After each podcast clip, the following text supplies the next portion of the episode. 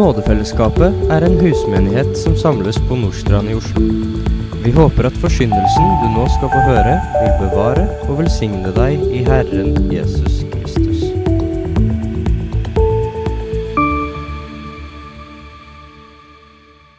La oss be. Kjære Herre, jeg vil takke deg for ordet ditt. Og nå ber jeg, far, om at din ånd må få lov til å tale til oss. Tale til meg, tale til hjertene. Herre, la oss få lov til å se din storhet i Jesu navn. Amen. Før Jesus holdt bergprekenen, så kan vi i Matteus kapittel 4 lese at Jesus han dro omkring i hele Galilea. Han lærte i deres synagoger og forkynte evangeliet om riket, og han helbreda alle slags sykdommer og plager blant folket. Og så kom ryktet om han, det ble spredd over hele Syria, og de begynte å føre til ham alle som hadde ondt, og som led av forskjellige sykdommer og plager, både besatte, månesyke og lamme. Og han helbreda de. Og store folkemengder fulgte ham fra Galilea og Dekapolis, altså tibyerslandet, da, Deka ti, Jerusalem, Judea og bygdene på andre siden av Jordan, kan vi lese. Og det er på mange måter denne folkemengden som har vært med han da opp på fjellet og hørt han nå tale eh, eh, denne bergprekenen som vi har brukt rundt et år på, og nå er vi på vei ned fra fjellet i dagens tekst. Og det Jesus gjorde, det hadde aldri tidligere i historien skjedd. Mennesker i Romerriket i denne perioden de hadde en levealder på i gjennomsnitt 25 år. Det er mulig, uten at jeg har noe tallmateriale for å bekrefte det, at kanskje jødene hadde litt høyere fordi at de hadde en del regler som de fulgte, som gjorde at de kanskje levde litt lenger enn gjennomsnittet. Men eh, vi hører f.eks. veldig lite til Josef, far til Jesus etter hvert osv. Altså, det er sannsynligvis høy dødelighet også blant disse. 25 år. Barnedødelighet og sykdom, det gjorde sitt. Og de kunne ikke, sånn som oss, nærmest forvente et liv der de var friske og hadde god helse. Og om du overlevde sykdom, så var det i all henseende fordi at sykdommen hadde fått lov til å gå sin gang med de skader som det representerte, og mennesker satt igjen som ødelagt på mange vis. De ble blinde, de ble lamme, de ble døve, de mangla tenner, og de var altså forkrøpla på forskjellig vis. Jeg tror ikke vi aner og ikke har mulighet engang til å klare å forestille oss og sette oss inn i hvor ille dette egentlig var. Og den smerten som mange mennesker utholdt, og hvilke liv så mange ble tvunget til å leve under.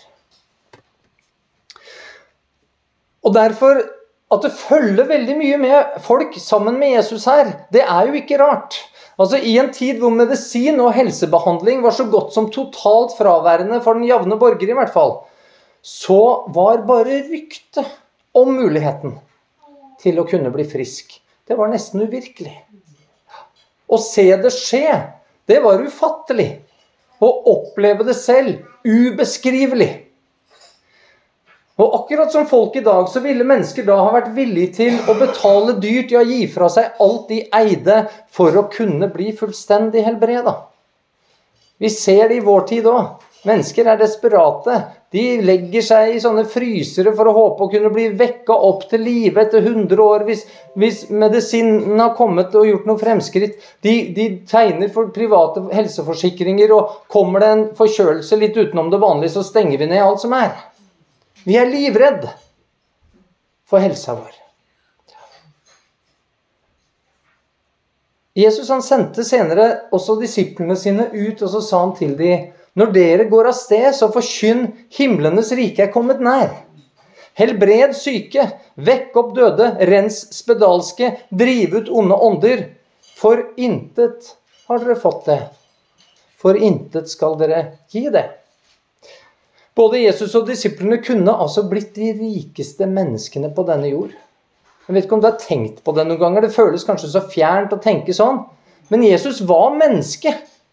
Han visste bedre enn noen av oss som sitter her, at hvis han begynte å ta lite grann, for ikke å si mye, for sine tjenester, så ville han blitt det rikeste og mektigste menneskene som har eksistert på denne planeten. Han trengte ikke å dø for noen. Dessverre så er det en del mennesker i vår tid som hevder å være Jesu etterfølgere, som ikke etterlever hans bud på dette området, som er blitt rike av å misbruke menneskers håp om helse. Men verken Jesus eller disiplene tok altså noe som helst for jobben de gjorde. For det er en jobb. Å traske rundt der, i støvet, i varmen, å gå rundt der og bruke av tid og mangle det meste, det er en jobb. De ble slitne. Det kosta tid og energi. De ble trøtte. Ja, tjenesten kosta til slutt deres liv. For alle. Men penger tok de altså ikke, og det er verdt å ofre en tanke. Så talte Jesus der på fjellet, og han snudde opp ned på det falske religiøse systemet som hele samfunnet var bygd på. Og mange av dem som hørte han der, de var der bare av nysgjerrighet. Det var jo pga. hans helbredelser og fordi Jesus talte annerledes. Han var ny og spennende, for å si det på en annen måte. Sånn er vi mennesker. Vi liker det. Forandring fryder, kaller vi det. Og Jesus han hadde en forandring som i utgangspunktet i hvert fall fryda litt. Det endra seg jo, men det var jo fordi Jesus han drev ikke og siterte andre rabbinere. Han henta ikke ting fra skrifter som jøder også i dag eh, henter ting fra, sånn som Talmud og Midrash og Mishna. Han, han siterte ingenting av det. Han siterte kun sitt eget ord, Det gamle testamentet. Og så la han til noen nye, egne ord. Da han gikk ned fra fjellet, så fulgte det mye folk med. Og se, en spedalsk kom og falt ned for ham og sa, Om du vil, så kan du gjøre meg ren. Etter at talen er ferdig, så fortsetter Jesus med det han drev på med før bergprekenen. Det er ikke noe pause i oppdraget. Han helbreder syke, og med det så er han med og beviser sin guddommelighet. Og at det religiøse lederskapet i Israel avviste dette og mente at Jesus helbredet og vekket folk opp fra de døde ved hjelp av demoners innflytelse og makt. Det vitner altså om forherdede hjerter. En enorm vantro. Og så skal vi merke oss dette og kanskje ikke bli overraska om den samme forherdelse også råder i hjertene til svært mange kirkelige ledere i Norge i dag. Vantroens makt den er enormt stor. Men du måtte ha tro om du f.eks. skulle komme en spedalsk i møte på Jesus sin tid. Fordi ingenting var mer urent enn spedalskhet. Bortsett fra lik da, av døde mennesker. Det var altså veldig strenge regler i Moseloven om det var en minste mistanke om spedalskhet. Og jeg vet ikke om du har tenkt over det, men det er altså Guds egen lov som støter spedalske mennesker ut av samfunnet. Som tvinger de til å leve utafor. Utstøtt. Isolert. Borte fra familie og venner. Og skal man være veldig brutal, så kan man si at de bokstavelig talt måtte råtne bort aleine. Kan du tenke deg en verre jordisk skjebne? Hvordan ville en som menneske tenke om Gud da? En spedalsk jøde var fra Guds utvalgte folk, men var utstøtt av samfunnet. Hvor ble det av velsignelsen? Hvor ble det av helbredelsen? I hundrevis av år så var denne ordningen der for å beskytte andre mot å bli smitta. Og det er en realitetsoppvekker, syns jeg også for mennesker i dag som vil høre Gud til, men som kan kanskje måtte leve med smerte og sykdom og ensomhet. For lidelsen i denne verden, den er virkelig. Historien og Guds ord vitner om at lidelsen, den når oss alle. Ja, vi kan oppleve, som David da beskriver, altså å vandre i dødens dal. Samtidig så vitner Guds forordning om at når man lever etter Guds regler, så hjelper det å minimere smitte og smerte. Minimere effektene av forgjengeligheten i verden. En spedalsk ble ansett som lavest av de lave. Det var en av de aller mest frykta sykdommene i den antikke verden. En rabbiner sa det slik når jeg ser en spedalsk, så kaster jeg steiner på han, for at han ikke skal komme nær meg. Og det er neppe tilfeldig da at Den hellige ånd ved Matteus, av alle de tusenvis av helbredelsene som Jesus gjorde, også før bergprekenen, så er den første som blir trukket fram at Jesus møter, det er en spedalsk. Og deretter så er det en slave. Ikke en hvilken som helst slave heller. Det er en slave av en hedning. Av en okkupant. Av en romersk senturion. Og den neste helbredelsen som er nevnt, det er en kvinne. Og Det er som om Jesus vitner om omsorg og bekreftelse, og så starter han på bunn. På det absolutt laveste, og så beveger han seg oppover. Mennesker som av samfunnet var plassert lavt, mennesker som var forakta. En kunne lære i dette samfunnet at sånne syke de, de, hadde, de var spesielle syndere. Eh, eller at deres foreldre hadde gjort noe alvorlig gærent. De kunne ha en lære om at noen etnisiteter var bedre enn andre. Eller at det var forskjell på verdien på kjønnene. Og så er det altså som at Jesus han bare tilsidesetter alt dette gjennom sine helt praktiske måter å være på. Gjennom hans hjelp, gjennom hans omsorg. Og så vitner han om at Gud, han gjør ikke forskjell på folk. Spedalskhet det starter ofte med smerte i bestemte deler av kroppen. Deretter så får man en nummenhet. Og snart vil huden miste sin naturlige farge. Den blir veldig tjukk, den blir blank, den begynner å flasse. Og de tykke delene de utvikler sår pga. dårlig blodtilførsel. Og huden, spesielt rundt øyne og ører, begynner å klumpe seg. Det hovner opp. Det blir dype furer i hele ansiktet. Fingre og tær begynner å falle av. Øyevipper og øyebryn de forsvinner. Etter hvert så begynner man å lukte noe helt fryktelig. Sykdommen begynner å angripe stemmebåndene, slik at en får en raspete og hes stemme. Og Grunnen til at jeg nevner dette, her er fordi altså er du frisk, så kan altså spedalskhet det kan både ses, det kan føles, det kan luktes, og det kan høres. Sykdommen er altomfattende på den måten. Det interessante er at sykdommen derimot ikke er så smertefull for den som har den, pga. nerveskadene som oppstår. Og Sykdommen fungerer anestetisk, og det vil jo da si at den fjerner smertefølelse fra føtter og fra cellene da i føtter og hender og nesen, øre og øyne. Du kjenner ingenting lenger. Og det er jo da samtidig denne mangelen av smerte som gjør spedalskhet så forferdelig. Lenge så trodde man at det var sykdommen som skapte alle sårene, og som førte til råtnende lemmer og at kroppsdeler falt av. Men så har moderne forskning vist oss at i 99% av tilfellene så gir spedalskhet bare nummenhet i kroppen nummenhet i kroppen. Ødeleggelsene de kommer som en konsekvens av egne handlinger. Fordi varselsystemet i kroppen er ødelagt. Slik kan altså spedalske skjære seg inn til beinet uten å merke det. De kan skade eller kutte over en sene uten å legge noe spesielt merke til det, annet enn at det blir litt merkelig å bevege seg etterpå. De kan ødelegge en muskel, men bare tilpasse seg ved å halte seg fram.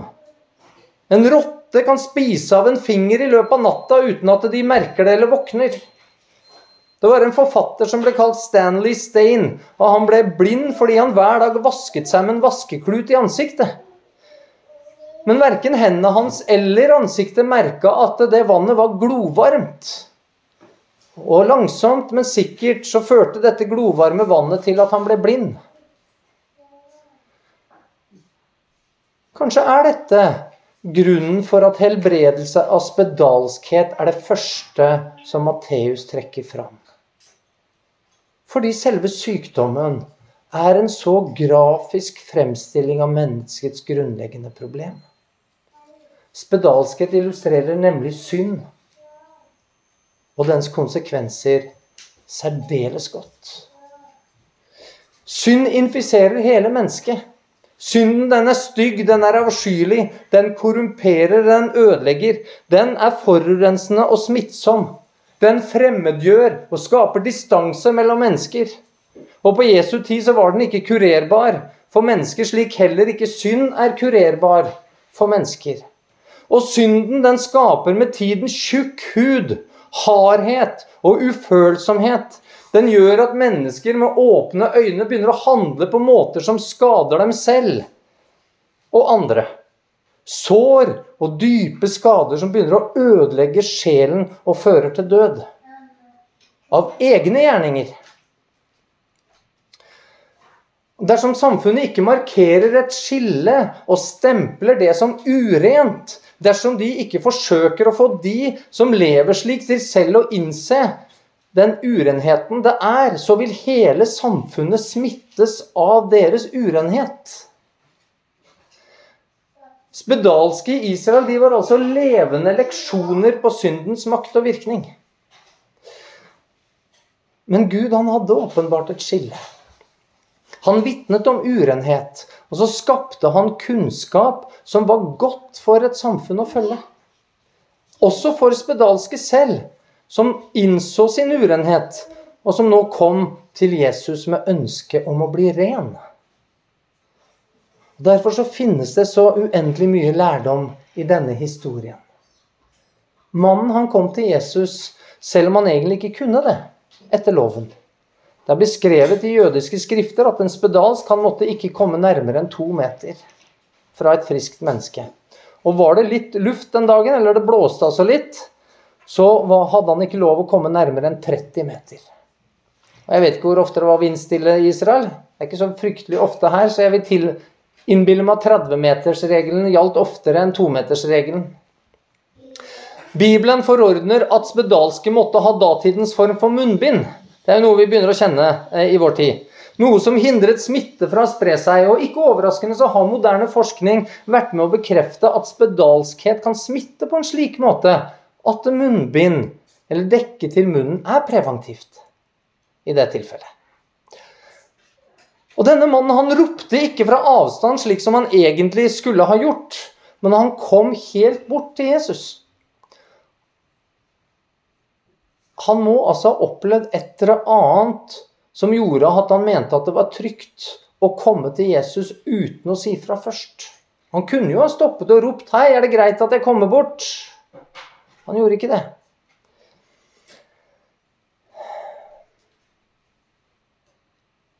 Noe ved Jesus har gjort at han turte å komme dit.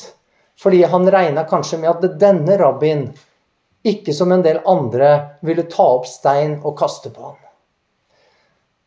At Jesus ikke var redd for ham eller skamfull for å være i hans nærhet. Og, og dette det fjerna noe av hans egen skam, slik at han fikk frimodighet til å ta tak i det som virkelig var hans store problem hans urenhet. Og her syns jeg vi har så mye å lære. Både som syndere i møte med Gud, men også som kristne i møte med andre syndere. Vi lever etter hvert i et skamløst samfunn. I hvert fall sett fra et moralsk ståsted. Og det merkes på gjerningene og hva som promoteres, og hva som, mye av det som produseres. Og En del forsøker riktignok å påføre mennesker skam i dag òg, men da handler det gjerne om kjøtt og bilkjøring og fly og sånn. Ehm, det er jo gjerne de som klaga veldig på at kirken påførte dem skam. Det er akkurat de samme folka som nå er de beste på å påføre andre mennesker skam. Ironien lenge leve. Overfladiske ting er det likevel, som ikke er viktig i den store sammenheng. Og samtidig så er det gjerne disse menneskene som promoterer skamløshet på områder som faktisk betyr noe. Kristne trenger å holde fram to ting samtidig. En må holde fast på det rene. Og så må man vitne om en distanse til det urene.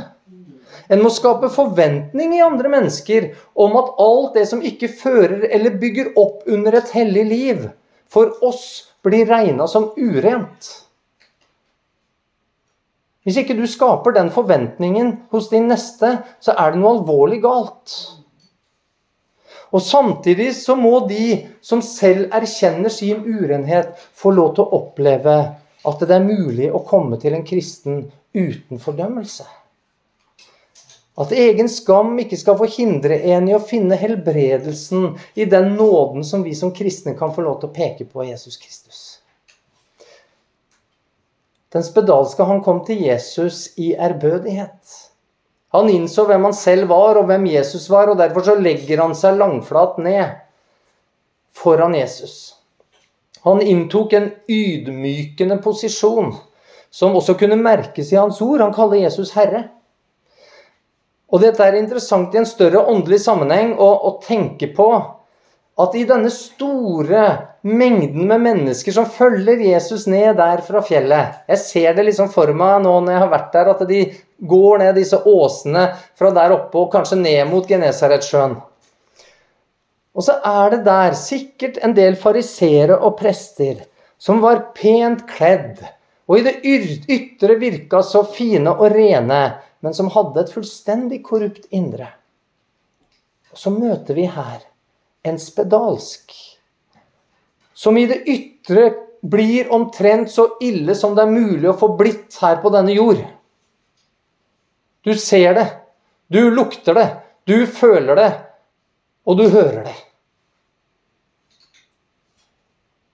Men så synes det om at han har et indre som både er ydmykt og troende. Og det i et samfunn hvor det var Guds regler som hadde støtt han ut. For han er ydmykt, og så spør han forventningsfullt, men, men ikke krevende, om du vil. Om du vil. Hva tilsier et slikt ønske? Jo, åpenbart at han kunne få lov til å bli frisk. Vi bør altså forstå at situasjonen denne mannen var i menneskelig sett, var håpløs. Mange kunne altså tenke at han var forlatt av Gud, men han går helt frem til Jesus, som han påkaller som herre, på tross av sin sykdom. Og på en måte så kan du tenke at det der kan tyde på desperasjon. Han, han, er villig til å trosse regler, han er villig til å trosse forventninger. Han er villig til å ta en personlig helserisiko ved å gå dit fordi situasjonen krevde det. Men likevel så tilsier hans ord noe annet. Om Jesus er herre, og det var Herrens vilje at han skulle forbli spedalsk, ville han vært villig til å godta det? Ville han vært villig til å godta, akkurat som Gud da når han lot Paulus få lov til å beholde tornen i kjødet? Ville han fortsette å tro? Ville han fortsette å tjene? Om du vil. Det tilsier at Jesu vilje er viktigere enn min. Om du vil.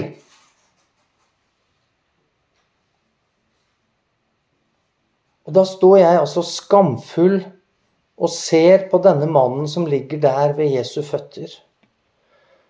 En mann som har all grunn til å være bitter, kanskje sint på Gud, som er i en helt desperat situasjon, som har alle menneskelige grunner for å ønske at alt var annerledes. Og Så møter han sin skaper og Gud, og så møter han ham på den eneste rette måten, og så sier han 'om du vil'. så sitter jeg, og kanskje du, og så eier vi det meste. Ja, vi har alt vi trenger, og er uansett i en mye bedre situasjon enn denne mannen. Og hvordan møter vi vår skaper? Hvordan møter vi vår Gud? Stoler vi på hans vilje? Eller er vi egentlig mest opptatt av vår egen?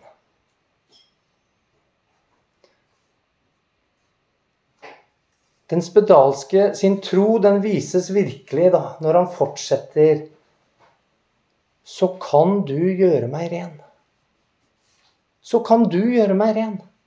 Han sier 'du har makten', 'du har kraften', 'du har evnen', 'du har rikdommen til å helbrede meg'. Men han har allerede egentlig sagt 'men det må være i samsvar med Guds vilje'.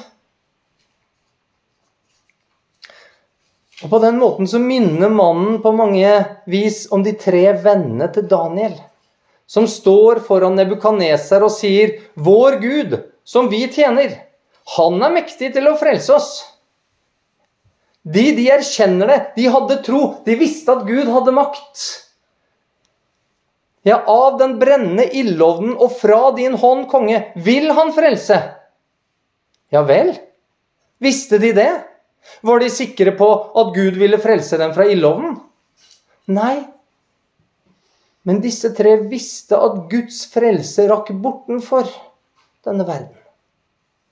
Frelsen sto fast selv om kongen fikk sin vilje med dem. Og det viser de når de avslutter med å si Men hvis ikke, så skal du vite, konge, at vi ikke vil dyrke dine guder eller tilbe det gudebildet du har stilt opp.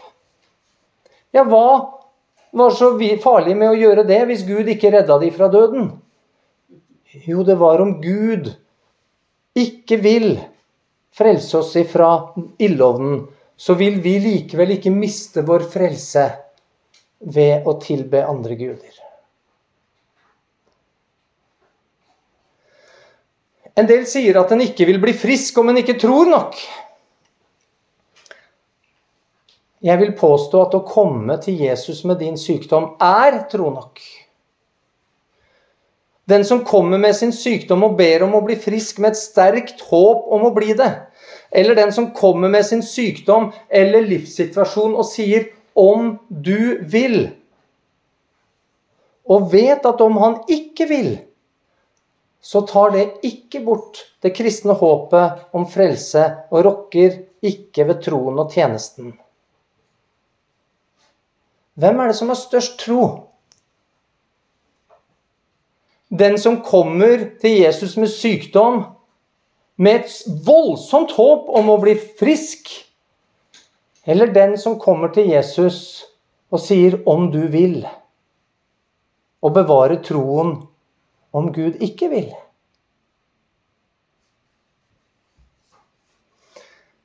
Den spedalske sin tro den førte til at Jesus rakte ut hånden og rørte ved ham og sa, 'Jeg vil'. Jeg vil bli ren. Han som skapte himmelen og jorden ved å si noen ord. Han kunne også gjort denne mannen frisk, bare ved noen ord.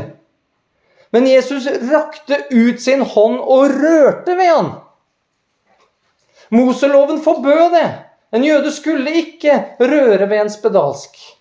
Det ville gjøre han både fysisk og seremonielt uren. Masse ting som måtte gjøres. Det ville gå tid, det ville gå penger. Det i det hele tatt, det var ordentlig stress, ville vi si på godt norsk. Å bli uren. Men Jesus han ser behovet for å bli berørt. Tenk, her er det en mann altså, som ingen har lov til å røre ved. Hvor viktig er det ikke å bli rørt ved? Hvor villige er ikke mennesker til å gjøre ganske rare ting bare for å bli rørt ved? Ja, til og med kjøpe det for penger. Enda de hater det etterpå og gjerne slår den som ga dem berøringen. Pga. skammen det fører med seg. Ja, så avhengig er vi av berøring. Og Jesus han visste dette og så gikk Jesus lenger enn mannens ønske. Han så også behovene som ikke var uttalt, slik Jesus også ser behover som vi selv ikke engang vet om selv. Men størst av alt er at Gud som er hellig og ren, han viser her i praksis at han altså rører ved det aller laveste, i hvert fall det som da blir regna som det aller laveste i dette samfunnet. Han som er hellig og ren, rører ved den som er uren, ved den som er utstøtt av mennesker. Han ville ha med han å gjøre. Han brydde seg om han. Han viste det ved å røre ved han, og ikke bare si noen ord og gå igjen. Og... For det kunne jo vært så lett for Jesus. Det var så lett at han kunne liksom bare sagt noen ord ikke brydd seg noe mer. Men han viser at han bryr seg. Ja, Jesus ville, og straks ble mannen renset for sin spedalskhet. Og nå vil jeg at du skal prøve å bruke den der forestillingsevnen så godt du bare kan. Du ser for deg altså en mann som har hard hud, med dype furer, ingen normal hudfarge. Ansiktet ser fryktelig ut. Det er verkende sår, det er puss overalt. Det flasser store flak av kroppen. Det mangler fingrer, det mangler tær. Ja, kanskje også andre lemmer. Kroppen er deformert og forkrøpla. Straks så ansiktet og huden normal. Fingre og tær er tilbake. Øyenbryn, øyevipper på plass. Alle sår er borte. Mannen kan rette seg opp og stå fordi all deformasjon, benbrudd, seneskader og muskelødeleggelser er forsvunnet. Jeg syns i hvert fall det er vanskelig å bare tenke det. Å se det selv hadde vært uvirkelig.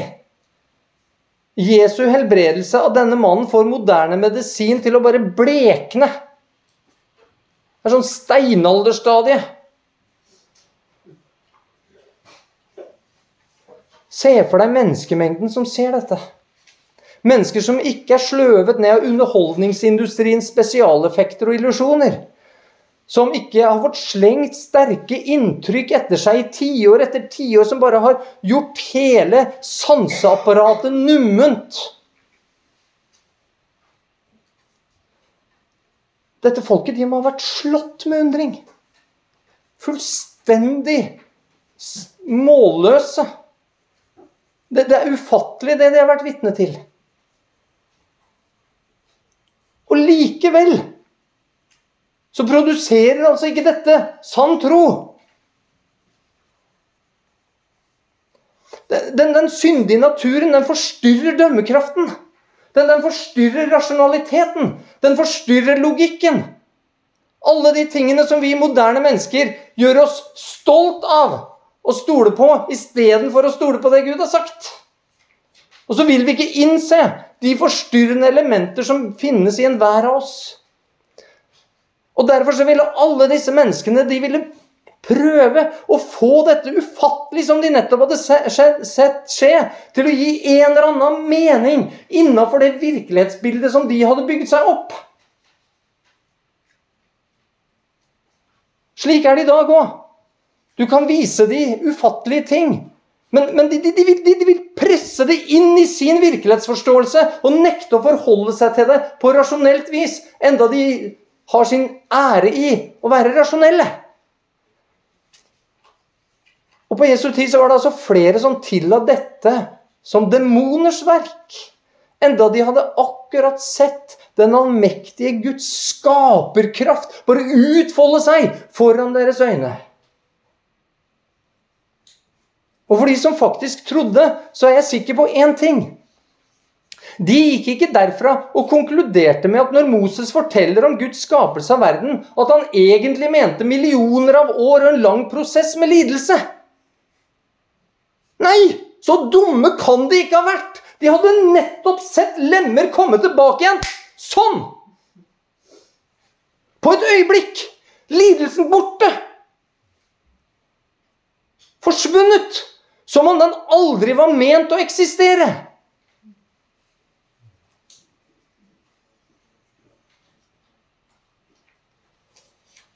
Og så har vi også sett Guds skaperkraft, venner. Vi har fått det bevist for våre øyne. Jo mer vi har sett ned og inn, eller opp og ut i det som han har gjort. Vi har vitnesbyrdet, og vi har sett Jesu gjerning. Men akkurat som de fleste som så dette på vei ned fra fjellet, så vil de fleste gå bort med en form for tro som likevel benekter sannheten om hvem Gud er, og hva Gud har gjort. Og Jesus sa til ham, se til at du ikke forteller det til noen. Men gå og vis deg for presten og bær fram det offeret som Moses har påbudt, til et vitnesbyrd for dem. Mannen var blitt frelst fra sin sykdom, og nå kom neste skritt. lydighet. Hvorfor Jesus forteller mannen at han ikke skal fortelle det til noen, kan vi ikke være helt sikre på. Det kan være mange grunner for det. Det kan ha noe å gjøre med vitnesbyrdet denne mannen skulle være for prestene i Jerusalem. Denne mannen skulle jo være et levende bevis på at Gud fortsatt virker, for at han fortsatt eksisterer. Det har vært tider gjennom israelsfolkets historie hvor det var sjelden Gud gjorde noe. Hvor man ikke hadde hørt så mye fra Gud, sånn som på presten Eli sine dager. Og jeg tror vi var inne i dette nå. Jeg tror det hadde vært hundrevis av år her hvor Gud ikke hadde gjort så fryktelig mye. Det var i hvert fall ingen profeter som var verdt å ta med i Gamletestamentet for 400 år ca. Men nå så hadde man et vitne at Gud er fortsatt Israels Gud. Han gjør fortsatt under. Dette burde bli dokumentert i Jerusalem. Og Hvis disse prestene fikk vite at Jesus var involvert, så er det ikke sikkert de hadde gjort jobben sin. Det kan ha vært én grunn. Kanskje har det å gjøre med at Guds timing bare ikke var klar. At Jesus ville bli hindret fra å gjøre det han skulle. Eller menneskelig sett bli fristet av det folket ville for han. Slike rykter kunne få folket til å tvinge på Jesus en kongsrolle eller Messias-rolle som ikke var etter Faderens vilje. En skulle tro at når du hadde opplevd noe slikt som den spedalske fikk denne dagen, så ville du lytte nøye til det Jesus sa, og følge det. Og Så vet vi derimot fra Markus at den tidligere spedalske mannen ikke var lydig. Men han gikk ut og begynte å kunngjøre det og utbredte ryktet vidt og bredt. Derfor kunne Jesus ikke lenger gå åpenlyst inn i noen by. Han var utenfor, på øde steder, og folk kom til ham fra alle kanter. Jesus han sa, 'Hva er lettest å si?' 'Dine synder er deg forlatt', eller å si 'Stå opp og gå'? Å kurere mannen fra spedalskhet var lett for Jesus. Men han var egentlig kommet for å kurere et annet problem som mennesker har. Syndens problem. Og det kunne ikke være Jesu ønske at det viktigste budskapet skulle drukne i all ståheien rundt fysiske helbredelser. Det var lettest å si 'bli ren' og la mannen slippe mer lidelse fra spedalskhet. Å si 'dine synder er deg forlatt', det krevde at Jesus selv måtte lide. At han selv måtte dø. Det var ikke lett. Han mistet samfunnet med sin far. Det kosta han alt. For det var altså helbredelse fra synd som Jesus kom for. Og selv fysisk renselse var en illustrasjon på den åndelige renselsen som han egentlig kom for å gjøre.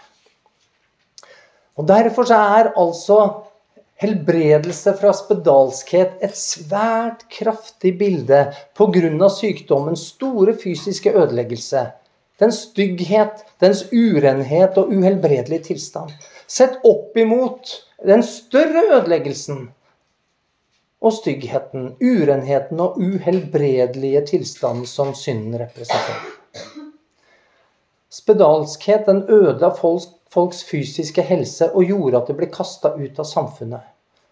Og slik ødelegger synd folks åndelige helse og gjør at de blir kasta ut av Guds samfunn.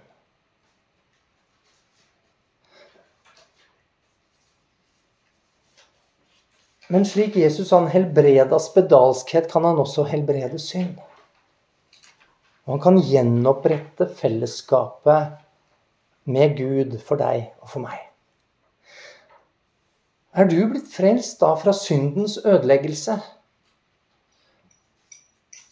Hvis du har det, så er det et mye større under. Det krevde mye mer av Jesus enn det denne mannen opplevde. Det krevde altså mye mer av Jesus å si at du skulle bli ren fra din synd. Kommer du til Jesus med ditt ødelagte liv og legger deg ned for ham med all din skam og urenhet, og så bekjenner din synd og ber om du vil rense meg, jo, da kan jeg love deg en ting. Jesus vil. Det er ingenting han mer har lyst til enn å rense deg fra all urett. Det har han betalt dyrt for å kunne gjøre. Og om du vil ta del i Jesus på denne måten, så, så innbyr vi i dag til nattverdsmåltid, hvor Jesu legeme og blod nettopp er det som renser oss fra all misgjerning. Og dit trenger jeg å gå, for akkurat som den spedalske mannen, så sliter jeg med én ting. Jeg sliter med å være lydig. Ja, selv etter å ha opplevd Jesu under i eget liv igjen og igjen, så sliter jeg med å være lydig. Men Jesus han visste at den spedalske mannen og jeg ville være ulydig allerede før han kom, og før jeg kom og la oss ned for hans føtter. Han visste om min gjentagende ulydighet. Og likevel så har Jesus sagt til oss begge 'Jeg vil'. Og dette at Jesus vil, at Jesus var villig, det er mitt håp. Det får være ditt håp. Enten vi får lov til å være friske eller syke, eller om jeg lever eller jeg dør. Fordi Jesus vil, så får jeg høre ham til.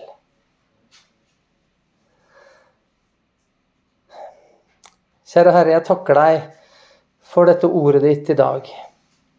Jeg takker deg for det håpet som det gir oss, der det menneskelig sett ser håpløst ut.